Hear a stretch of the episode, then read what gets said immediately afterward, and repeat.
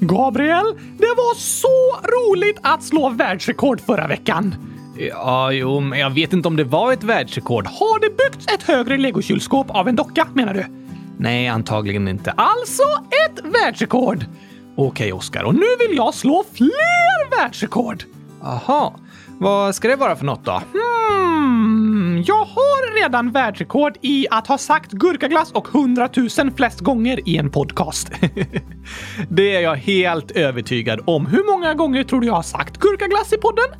Oj, mm, alltså säkert eh, tio gånger per avsnitt. Gurkaglass, gurkaglass, gurkaglass, gurkaglass, gurkaglass, gurkaglass, gurkaglass, gurkaglass. Så, fixat för idag. Det där var åtta gånger. Ja, men jag hade redan sagt det två gånger. Just det. Okej, okay, om vi antar att du säger gurkaglass i genomsnitt tio gånger per avsnitt så har du alltså sagt gurkaglass hundratusen gånger!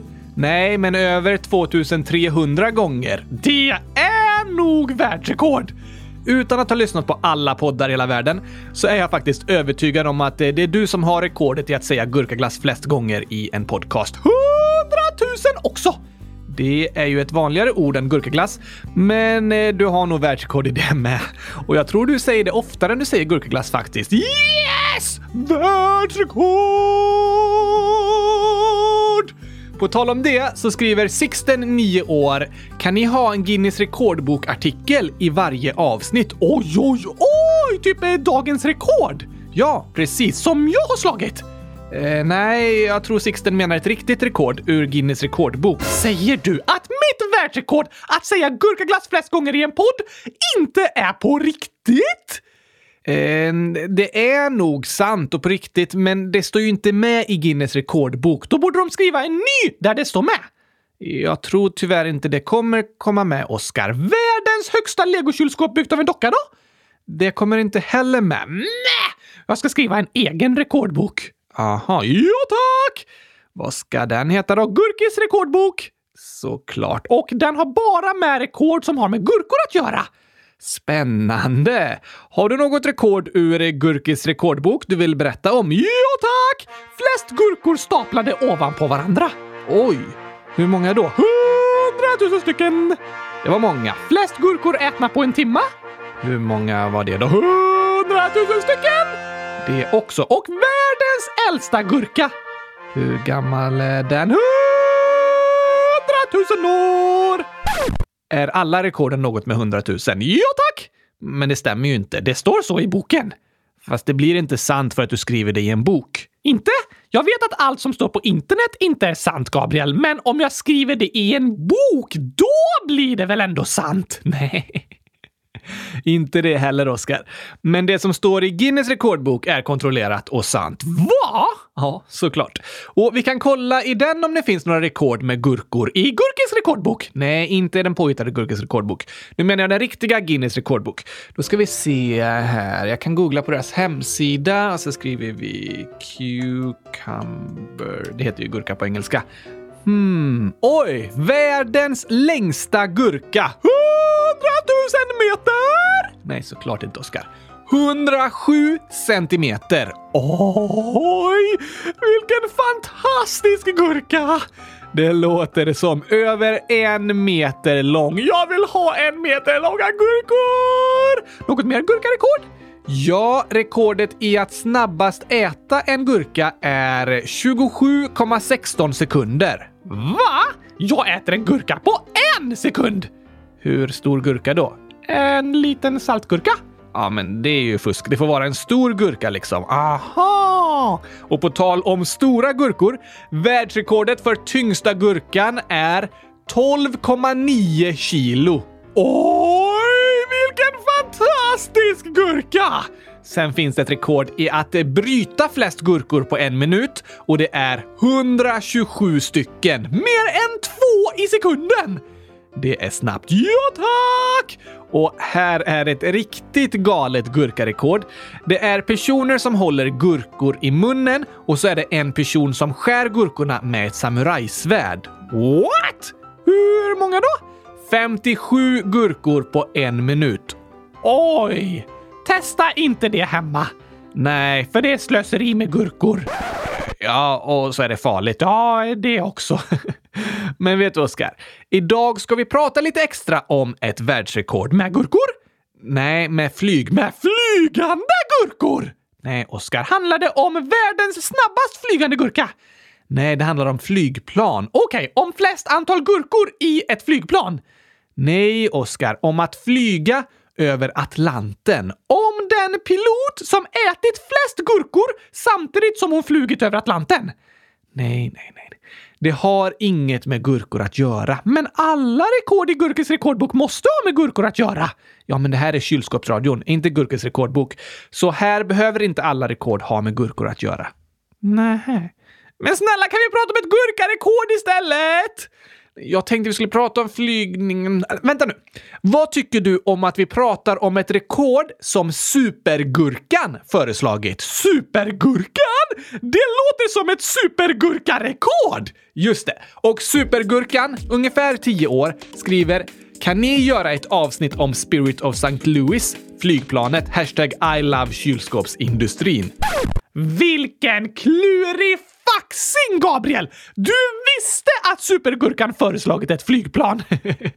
ja, men visst är det ett bra förslag? Ja, tack! Och även Anonym 100 000 minus 100 000 plus 100 000. Nu har du sagt 100 000 nästan 100 000 gånger. Nästan. I alla fall så är Anonym 100 000 år. Kan ni göra ett avsnitt om Spirit of St. Louis? PS. Er podd är bäst. Sluta aldrig DS. Heter flygplanet Spirit of St. Louis. Ja, och jag tycker det är ett superspännande förslag på en historisk berättelse och historisk person. Vem då? Vi ska prata om Charles Lindbergh som var den första som på egen hand flög över hela Atlanten. I en flygande gurka! Nej, Oskar. Det har inget med gurkor att göra. Gillar han inte gurkor? Det, det vet jag inte. Men här kommer i alla fall gurka-gingen så kan vi dra igång dagens avsnitt och så ska jag berätta mer om Spirit of St. Louis och Lucky Lindy.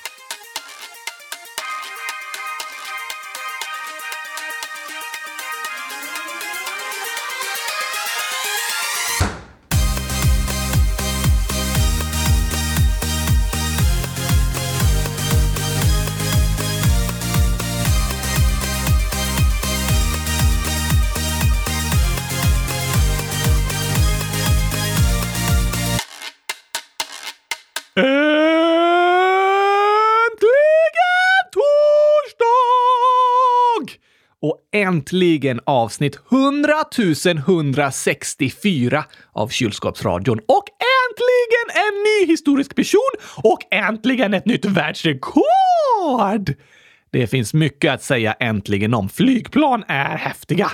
Visst är de. Och vi människor kan göra mycket saker. Vi kan gå, springa, hoppa, simma, klättra, gurkaglass. Ja, vi kan göra gurkaglass, men vi kan inte flyga av oss själva. Jag tror många människor genom historien har tittat på fåglarna och varit lite avundsjuka och tänkt “Wow, tänk att kunna flyga”. När byggdes det första flygplanet då? Alltså, man har hittat jättegamla ritningar från människor som har drömt om att bygga maskiner som ska kunna flyga. De tidigaste ritningarna och flygförsöken som man känner till var av en uppfinnare som hette Abbas ibn Firnas och bodde i staden Cordoba i det som idag är Spanien, men som då var del av ett islamiskt rike kallat Umayyadiska kalifatet. Hur länge sedan var det? Över tusen år sedan. År 852 försökte Ibn Firnas flyga från ett torn i Cordoba med en stor mantel som skulle stoppa honom från att falla ner, som en fallskärm. Ja, det kallas ofta för den första fallskärmen. Funkade den? Nej, inte så bra. Det blev ingen mjuk landning utan han kraschade mot marken. Oh, no. Manteln hade dock bromsat farten tillräckligt mycket för att han skulle överleva, men han fick kroniska ryggsmärtor. Aj då! Men 23 år senare, år 875, så byggde Ibn Firnas en hängglidare och kastade sig ut från ett berg. Det låter farligt! Det var det verkligen. Många stod och kollade på och flygningen gick ganska bra. Men landningen då? Den gick inte så bra. Han kraschade och fick ännu värre ryggskador. Han hade försökt bygga något som liknar fåglars vingar, men hade inte räknat ut tillräckligt bra hur fåglarna bromsar sin fart när de ska landa. Det är viktigt att inte glömma bort landningen. Nej, själva landningen är ju det farligaste. Det är ganska enkelt att hoppa från ett berg, men svårare att lyckas landa mjukt. Ja, tack! I alla fall så kallas Abbas ibn Firnas ibland för den första historien som gjorde ett vetenskapligt försök att flyga. Bra försök! Verkligen, och modigt. Och det här var redan på 800-talet. Och uppfinnare fortsatte fundera på hur det skulle gå till att flyga.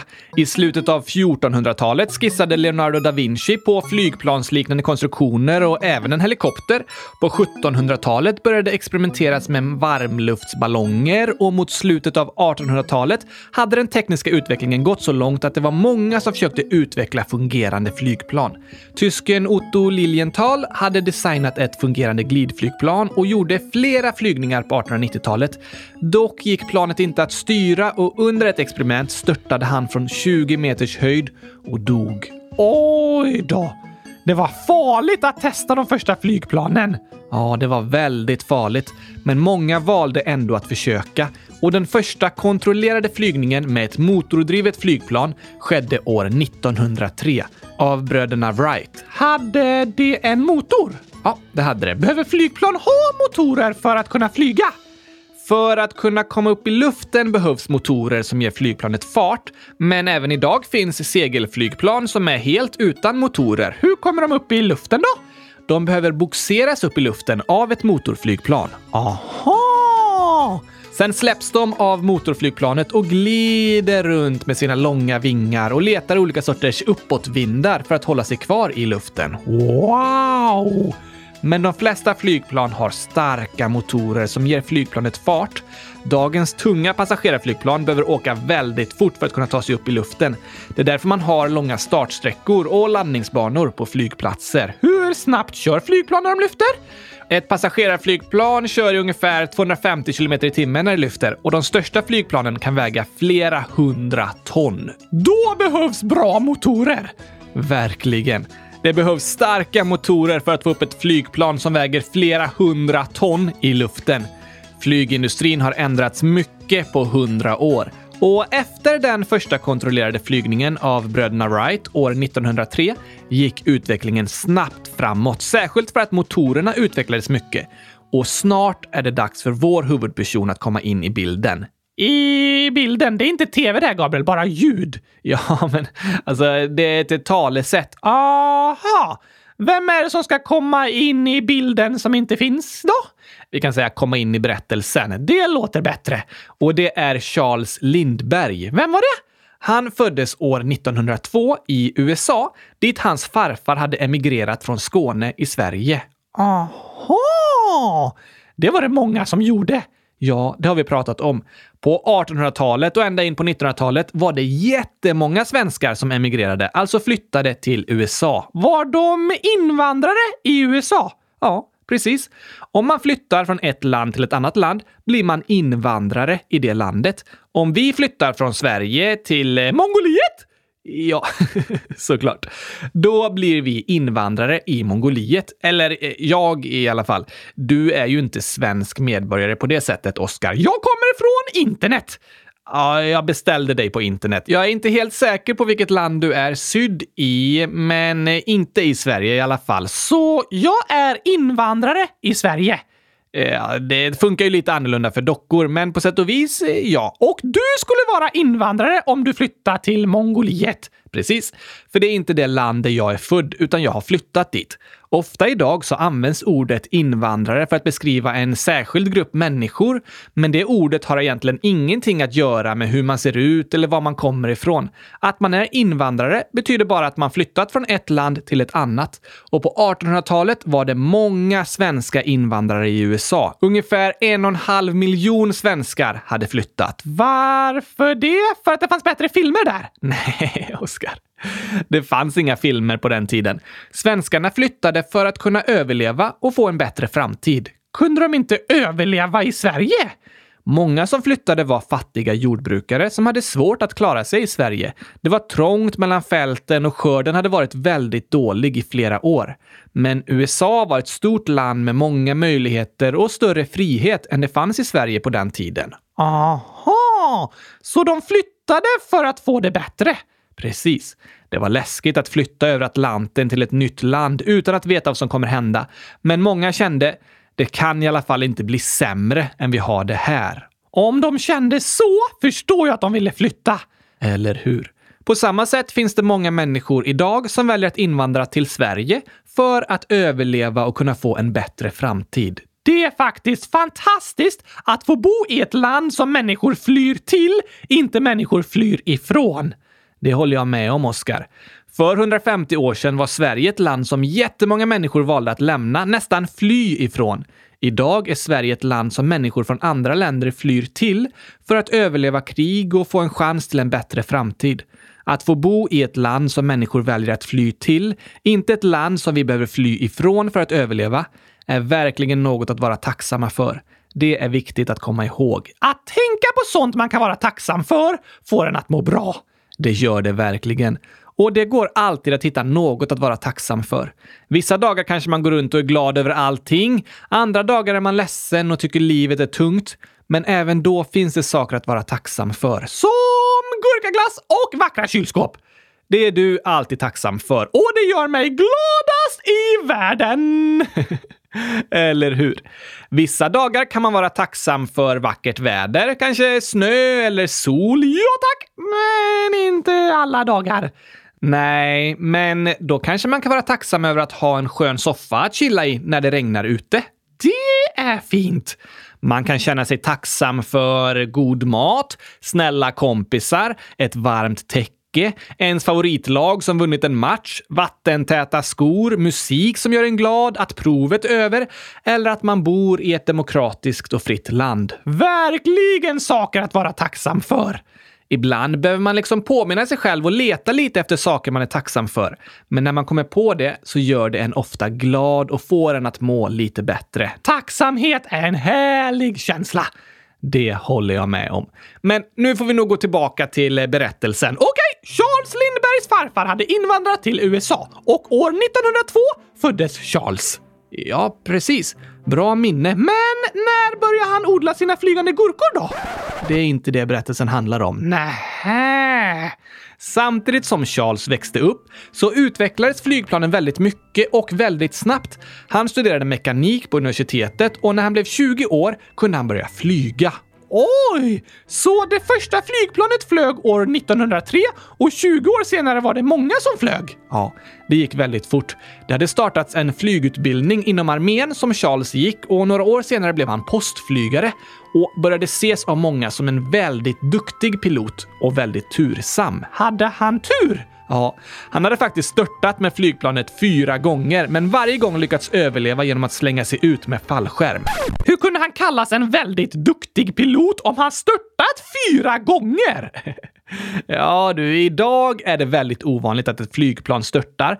De är superbra byggda och har bra säkerhet. Men i början av 1900-talet störtade flygplanen ganska ofta och Charles tog sig an svåra flygningar som flera gånger slutade med att planet störtade. Men han klarade sig alltid. Dock fick han smeknamnet “Den flygande dåren”. Flög han eh, som en galning? Ja, han tog sig ofta an flygturer med stora risker. Och tydligast av allt blev det när Charles bestämde sig för att testa något som aldrig hade gjorts förut. Ett världsrekord? Ja. Han bestämde sig för att försöka bli den första att flyga ensam över hela Atlanten utan att stanna. Atlanten är det där stora havet som ligger mellan Europa och Amerika. Precis. Och som vi har pratat om var det jättemånga som hade flyttat från Europa till Amerika och världsdelarna hade mycket med varandra att göra. Så drömmen var att kunna liksom binda ihop världsdelarna ännu mer genom att kunna flyga över Atlanten. Hur långt är det då? Charles bestämde sig för att flyga från New York till Paris och det är 580 mil. Oj då! Det är lika långt som från Stockholm till eh, Centralafrikanska republiken. Över hela Europa och halva Afrika. Ungefär ja. Men det var mycket farligare att flyga över Atlanten än att flyga över land. Såklart! Det går inte att nödlanda om något händer. Nej, och långt ut över havet kan vädret vara väldigt hårt och stormigt. Det känns nog ganska ensamt att flyga själv över Atlanten också. Ensamt och läskigt. Men Charles bestämde sig för att försöka och då började de designa planet som skulle göra det. Hade det hundratusen motorer? Nej, Charles tänkte att flera motorer skulle göra det större chans att misslyckas, så det bästa vore med bara en motor. Oj då! Och till den behövdes en stor tank med bränsle. Och eftersom den vägde mycket var det bäst att placera den så nära flygplanets tyngdpunkt som möjligt och därför valde de att ta bort framrutan. Vänta, vänta, vänta, vänta, va? Tog de bort framrutan från flygplanet och satte dit en stor bensintank? ja, hur såg han vart han skulle flyga då? Det gick inte att se rakt framåt för Charles. Han fick sitta bakom bensintanken som skymde sikten. Men det fanns fönster på sidorna och så byggde de ett periskop. Ett sånt som ubåtar har för att sticka upp ovanför vattenytan. Precis. Så Charles satt inne i flygplanet och tittade framåt rakt på en bensintank. Ja, men så kunde han kolla genom ett periskop för att se över bensintanken. Så var det. Det var ett tokigt flygplan. Väldigt tokigt. Allt onödigt togs bort från flygplanet för att det skulle bli så effektivt och lätt som möjligt så det klarade sig hela vägen över Atlanten. Längst fram hade den propeller och så kom motorn och sen den stora bensintanken. Sen i utrymmet bakom den satt Charles och kollade i sitt periskop. Där hade han styrspakar, en kompass och en uppblåsbar flotte om han skulle störta i havet. Flygplanet var 8 meter långt, hade 14 meter mellan vingarna och vägde ungefär ett ton. Det fick namnet Spirit of St. Louis. Vad betyder det? Spirit betyder liksom eh, anda. Att andas? Nej, utan något eh, andligt. Det fick namnet för att det var människor från staden St. Louis som hade betalat för planet. Aha, så planet var i deras anda? Ja, det är ett lite klurigt ord, men namnet var en hyllning till de som stöttat Charles försök att flyga över Atlanten. Därför kallade han det Spirit of St. Louis. Hur gick det då? Jo, den 20 maj 1927 hade Charles världens ögon på sig när han klättrade in i sitt flygplan. Livestreamades det på Youtube? Nej.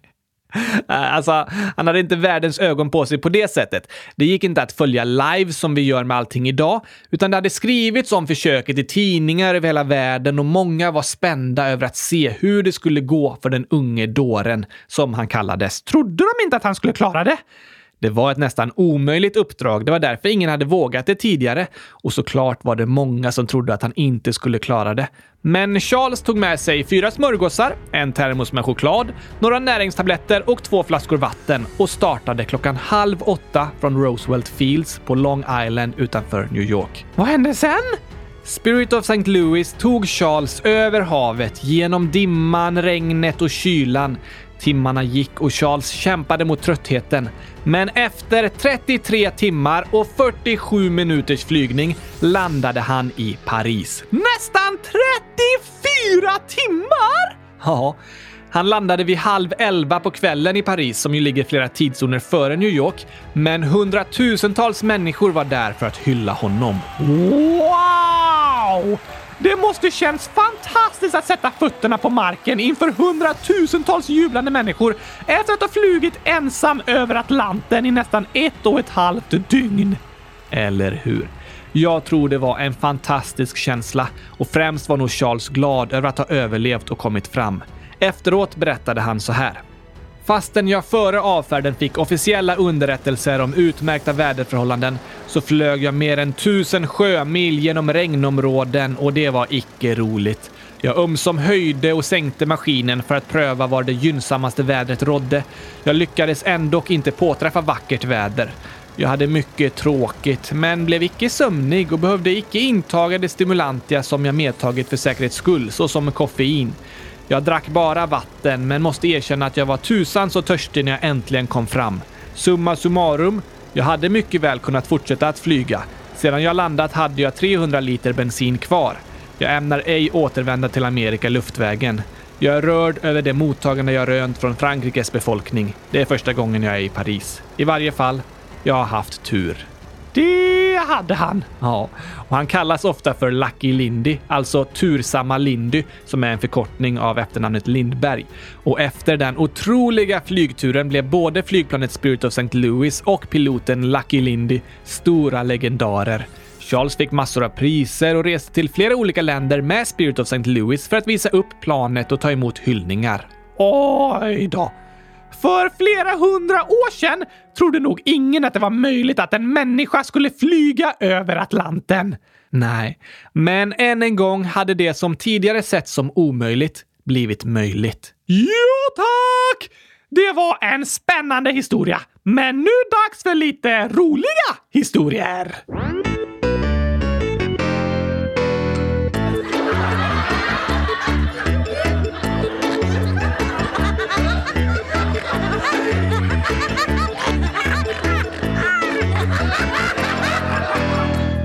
Edvin, 9 år, har skrivit ett skämt. Vad slutar varje bok med? Varje bok... Hmm, ja, vad slutar de med? Snipp, snapp, snut så var slagan slut. Slagan? Förlåt. Snipp, snapp, snut så var sagan slut. Nej tack! Nej, det är ju inte varje bok, men eh, många sagor. Det finns väl inget som varje bok slutar med? Jo tack! Edvin skriver trumvirvel. K. K. Aha. bok. Ja tack! ja, bok slutar ju alltid med K. Klurifaxigt Edvin! Men då vill jag läsa upp en kluring till dig här. Skämtkungen Albin, 13 år, skriver “Vilka i skogen går mest på gym?” Hmm, jag tror mossan och farsan. Morsan och farsan, mossan. Nej, gymnasieungdomarna? De går en del på gym, men de kommer inte från skogen. Rätt svar är träna. Träna! det låter som träden som tränar på gym. Precis. Jättetokigt. Och på tal om skogen skriver IIE Ingrid Tyfgdjuvit 100 000. Skojar, jag är sju år. Ett skämt! Varför får inte blåbäret gå till skolan? Um, för att det går på gymmet. Varför det? Blåbäret. Aha, och bär vikter. Precis. Nej tack! Okej, då vet jag inte. För att det är omoget. Jaha. Omoget från godis. Tokigt Ingrid! Och ett sista till dig Oskar. Agnes skriver, vad sa hajen när en ål simmade förbi på höger sida? Hej på dig!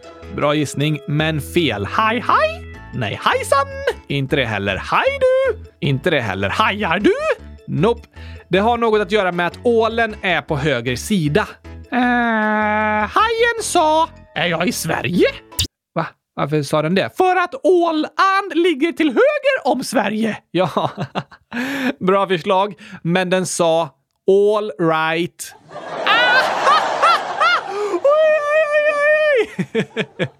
All right betyder ju allt är bra. Ja, all betyder allt på engelska, men låter som djuret ål på svenska. Och right betyder bra och höger.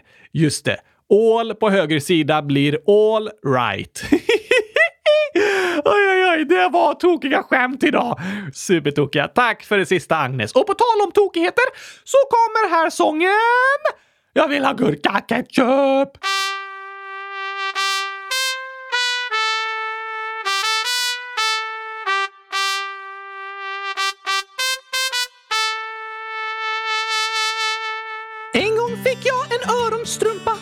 Rosas julklappspresent. Jag satte den på min ryggsäcksrumpa och sa massa vattniga skämt. Men sen fick jag en glasidé om hur man får en babianstruts att le. Så lyssna på mitt nya tystnadstjut.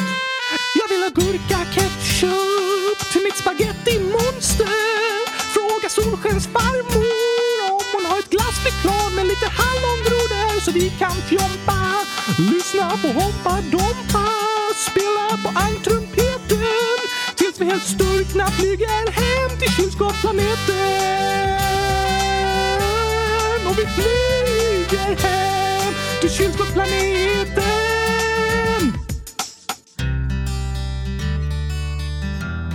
Ska du inte börja sjunga, Oskar? Nu? Ja, ah, kompet kör en vers till. Ah, nej, nej, jag orkar inte. Vi kör tystnadstjutet. Tyst! En, två, tre, fyra, åtta, elva, femton, sjutton, tjugo, åttio, femtio, nitton. Hur långt ska du räkna egentligen, Oskar? Till hundratusen såklart! Innan tystnadstjutet kommer igen. Ja, tack. Det är så tråkigt att alla alltid bara orkar räkna till fyra. Okej, men det kommer ta väldigt lång tid. Det tar ännu längre tid om du avbryter mig hela tiden. Oh, det har du rätt i.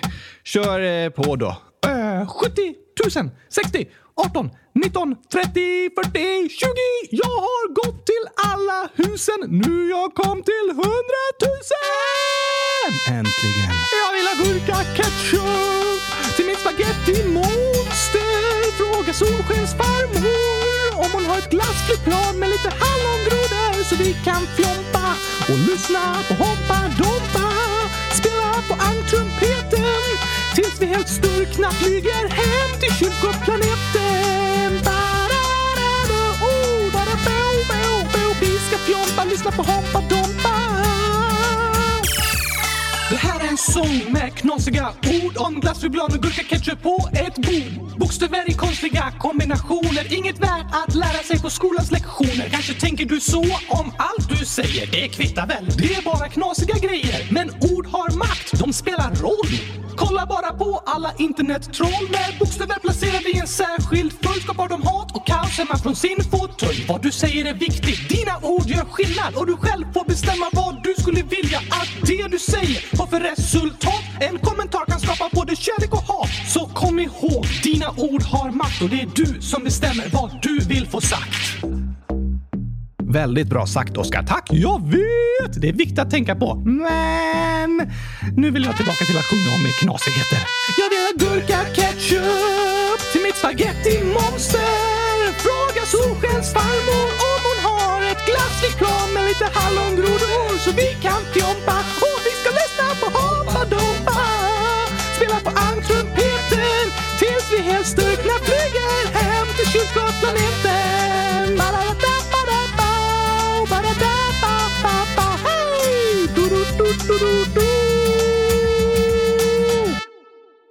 Skulle den bara sluta så? Nej, det var lite tråkigt slut. Vi kör så här istället. Jag vill ha gurka-ketchup! Lärde du dig något av dagens berättelse, Oskar? Hmm, jag påminnes om att det finns så mycket att vara tacksam för. Det håller jag med om. Till exempel att få bo i ett land som människor flyr till, inte ett land som människor flyr ifrån. Ja, det finns mycket vi tar för givet i Sverige, men som vi kan vara väldigt tacksamma för. Sen lärde jag mig att det tar nästan 34 timmar att flyga över Atlanten. Det stämmer inte. Va? Men du sa ju det! Charles flygtur tog så lång tid. Idag tar det typ 8,5 timmar att flyga från Paris till New York. Oj då! Lite snabbare. Verkligen. Och bekvämare. Ja, mycket bekvämare och säkrare än Lucky Lindys ensamma resa i Spirit of St. Louis. Sen lärde jag mig att det som känns omöjligt faktiskt kan hända. Okej. Okay. Hur menar du? Alltså, genom hela historien har det varit omöjligt för människor att flyga. I alla fall så långt som över hela stormiga Atlanten.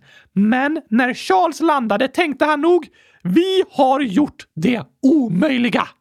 Ja, jo, så kan han nog ha tänkt. Och idag är det hur vanligt som helst att flyga över Atlanten. Det har miljontals människor gjort efter Charles. Före coronapandemin kunde det gå över 2000 plan om dagen över Atlanten. Oj då! Och nu har det ju vänt. För hundra år sedan försökte de öka antalet flygplan. Nu försöker många minska antalet flygplan eftersom det är farligt för miljön att flyga så mycket. Sant, Gabriel! Och det kan kännas omöjligt att rädda miljön. Ibland kan det kännas så, men det omöjliga kan bli möjligt. Det har vi lärt oss idag. Det har du rätt i. Många saker kan kännas omöjliga. Det är för svårt för oss att klara. När man känner så vill man bara ge upp. Ja, men tappa inte hoppet! Det omöjliga kan vara möjligt.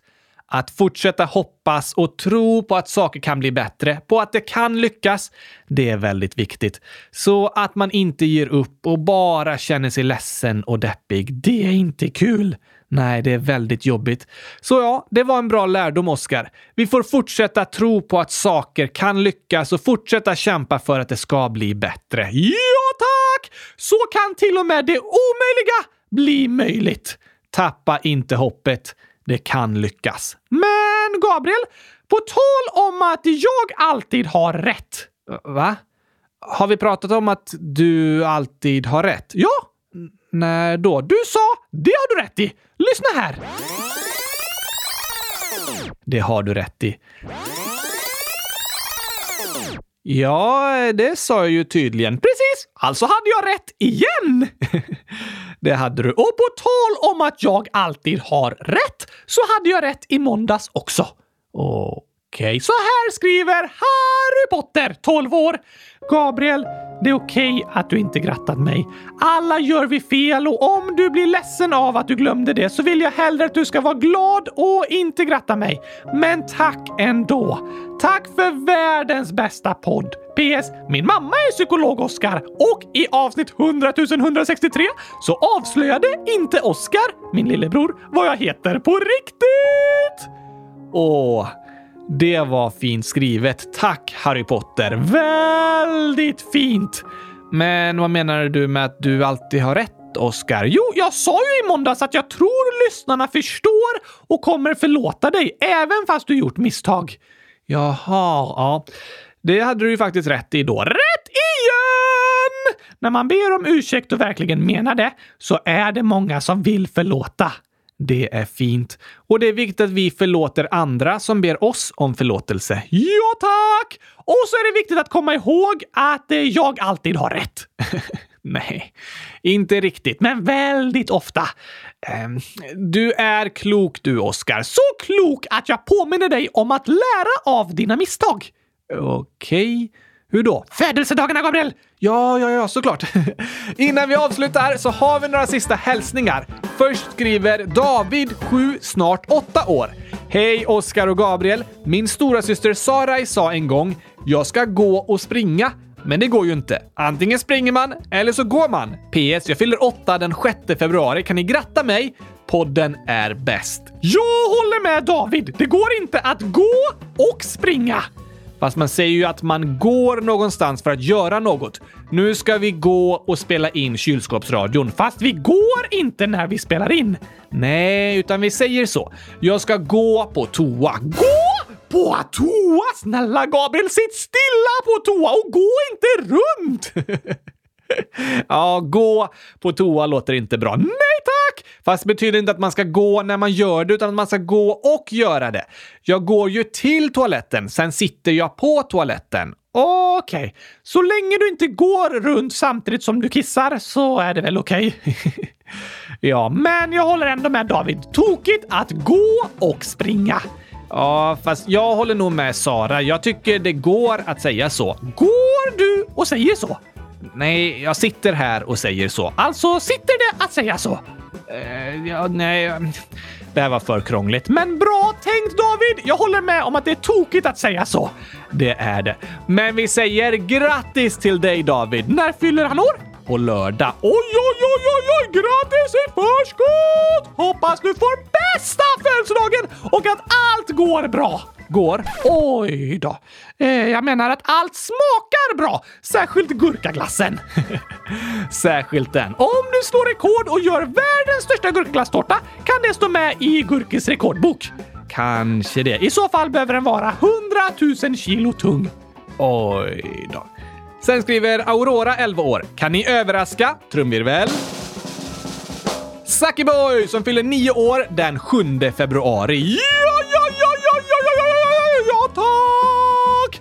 Grattis på nioårsdagen Boy! Hoppas den blir bäst i höst! Stort, stort, stort grattis! Om du får 100 000 gurkor i present kan det också stå med i Gurkis rekordbok. Jag vet inte om Boy önskar sig gurkor i födelsedagspresent. Såklart Boy önskar sig gurkor i födelsedagspresent! Vad annars? Kanske något roligare? Eller godare? Godare? Det går inte! Vad går inte? Gurkorna? Nej, gurkor kan inte gå, alltså går det inte. Inget kan vara godare än gurkor. Nej, det går inte, för gurkor kan inte gå. Okej, okej. Något som dock går är att avsluta dagens avsnitt. Nej, det borde inte gå. Håller med. Men nu är vi klara för idag med berättelsen om att det gick att flyga över Atlanten. Yes, det borde heta att det flög att flyga över Atlanten, för Charles gick ju inte. Det borde det kanske heta, men det gör det inte. Tack i alla fall till alla som lyssnat och kommit med förslag på temat och skämt och så. Hoppas ni gillade avsnittet. Ja, tack! Hör av er om ni har några rekord till eh, Gurkis rekordbok. Just det, det kan ni göra. Så får ni ha en superbra helg så hörs vi igen på måndag. Tappa inte hoppet! Kom ihåg, det kommer gå bra. det kommer gå bra. Tack och hej! Flygande gurkapastej! Hej då!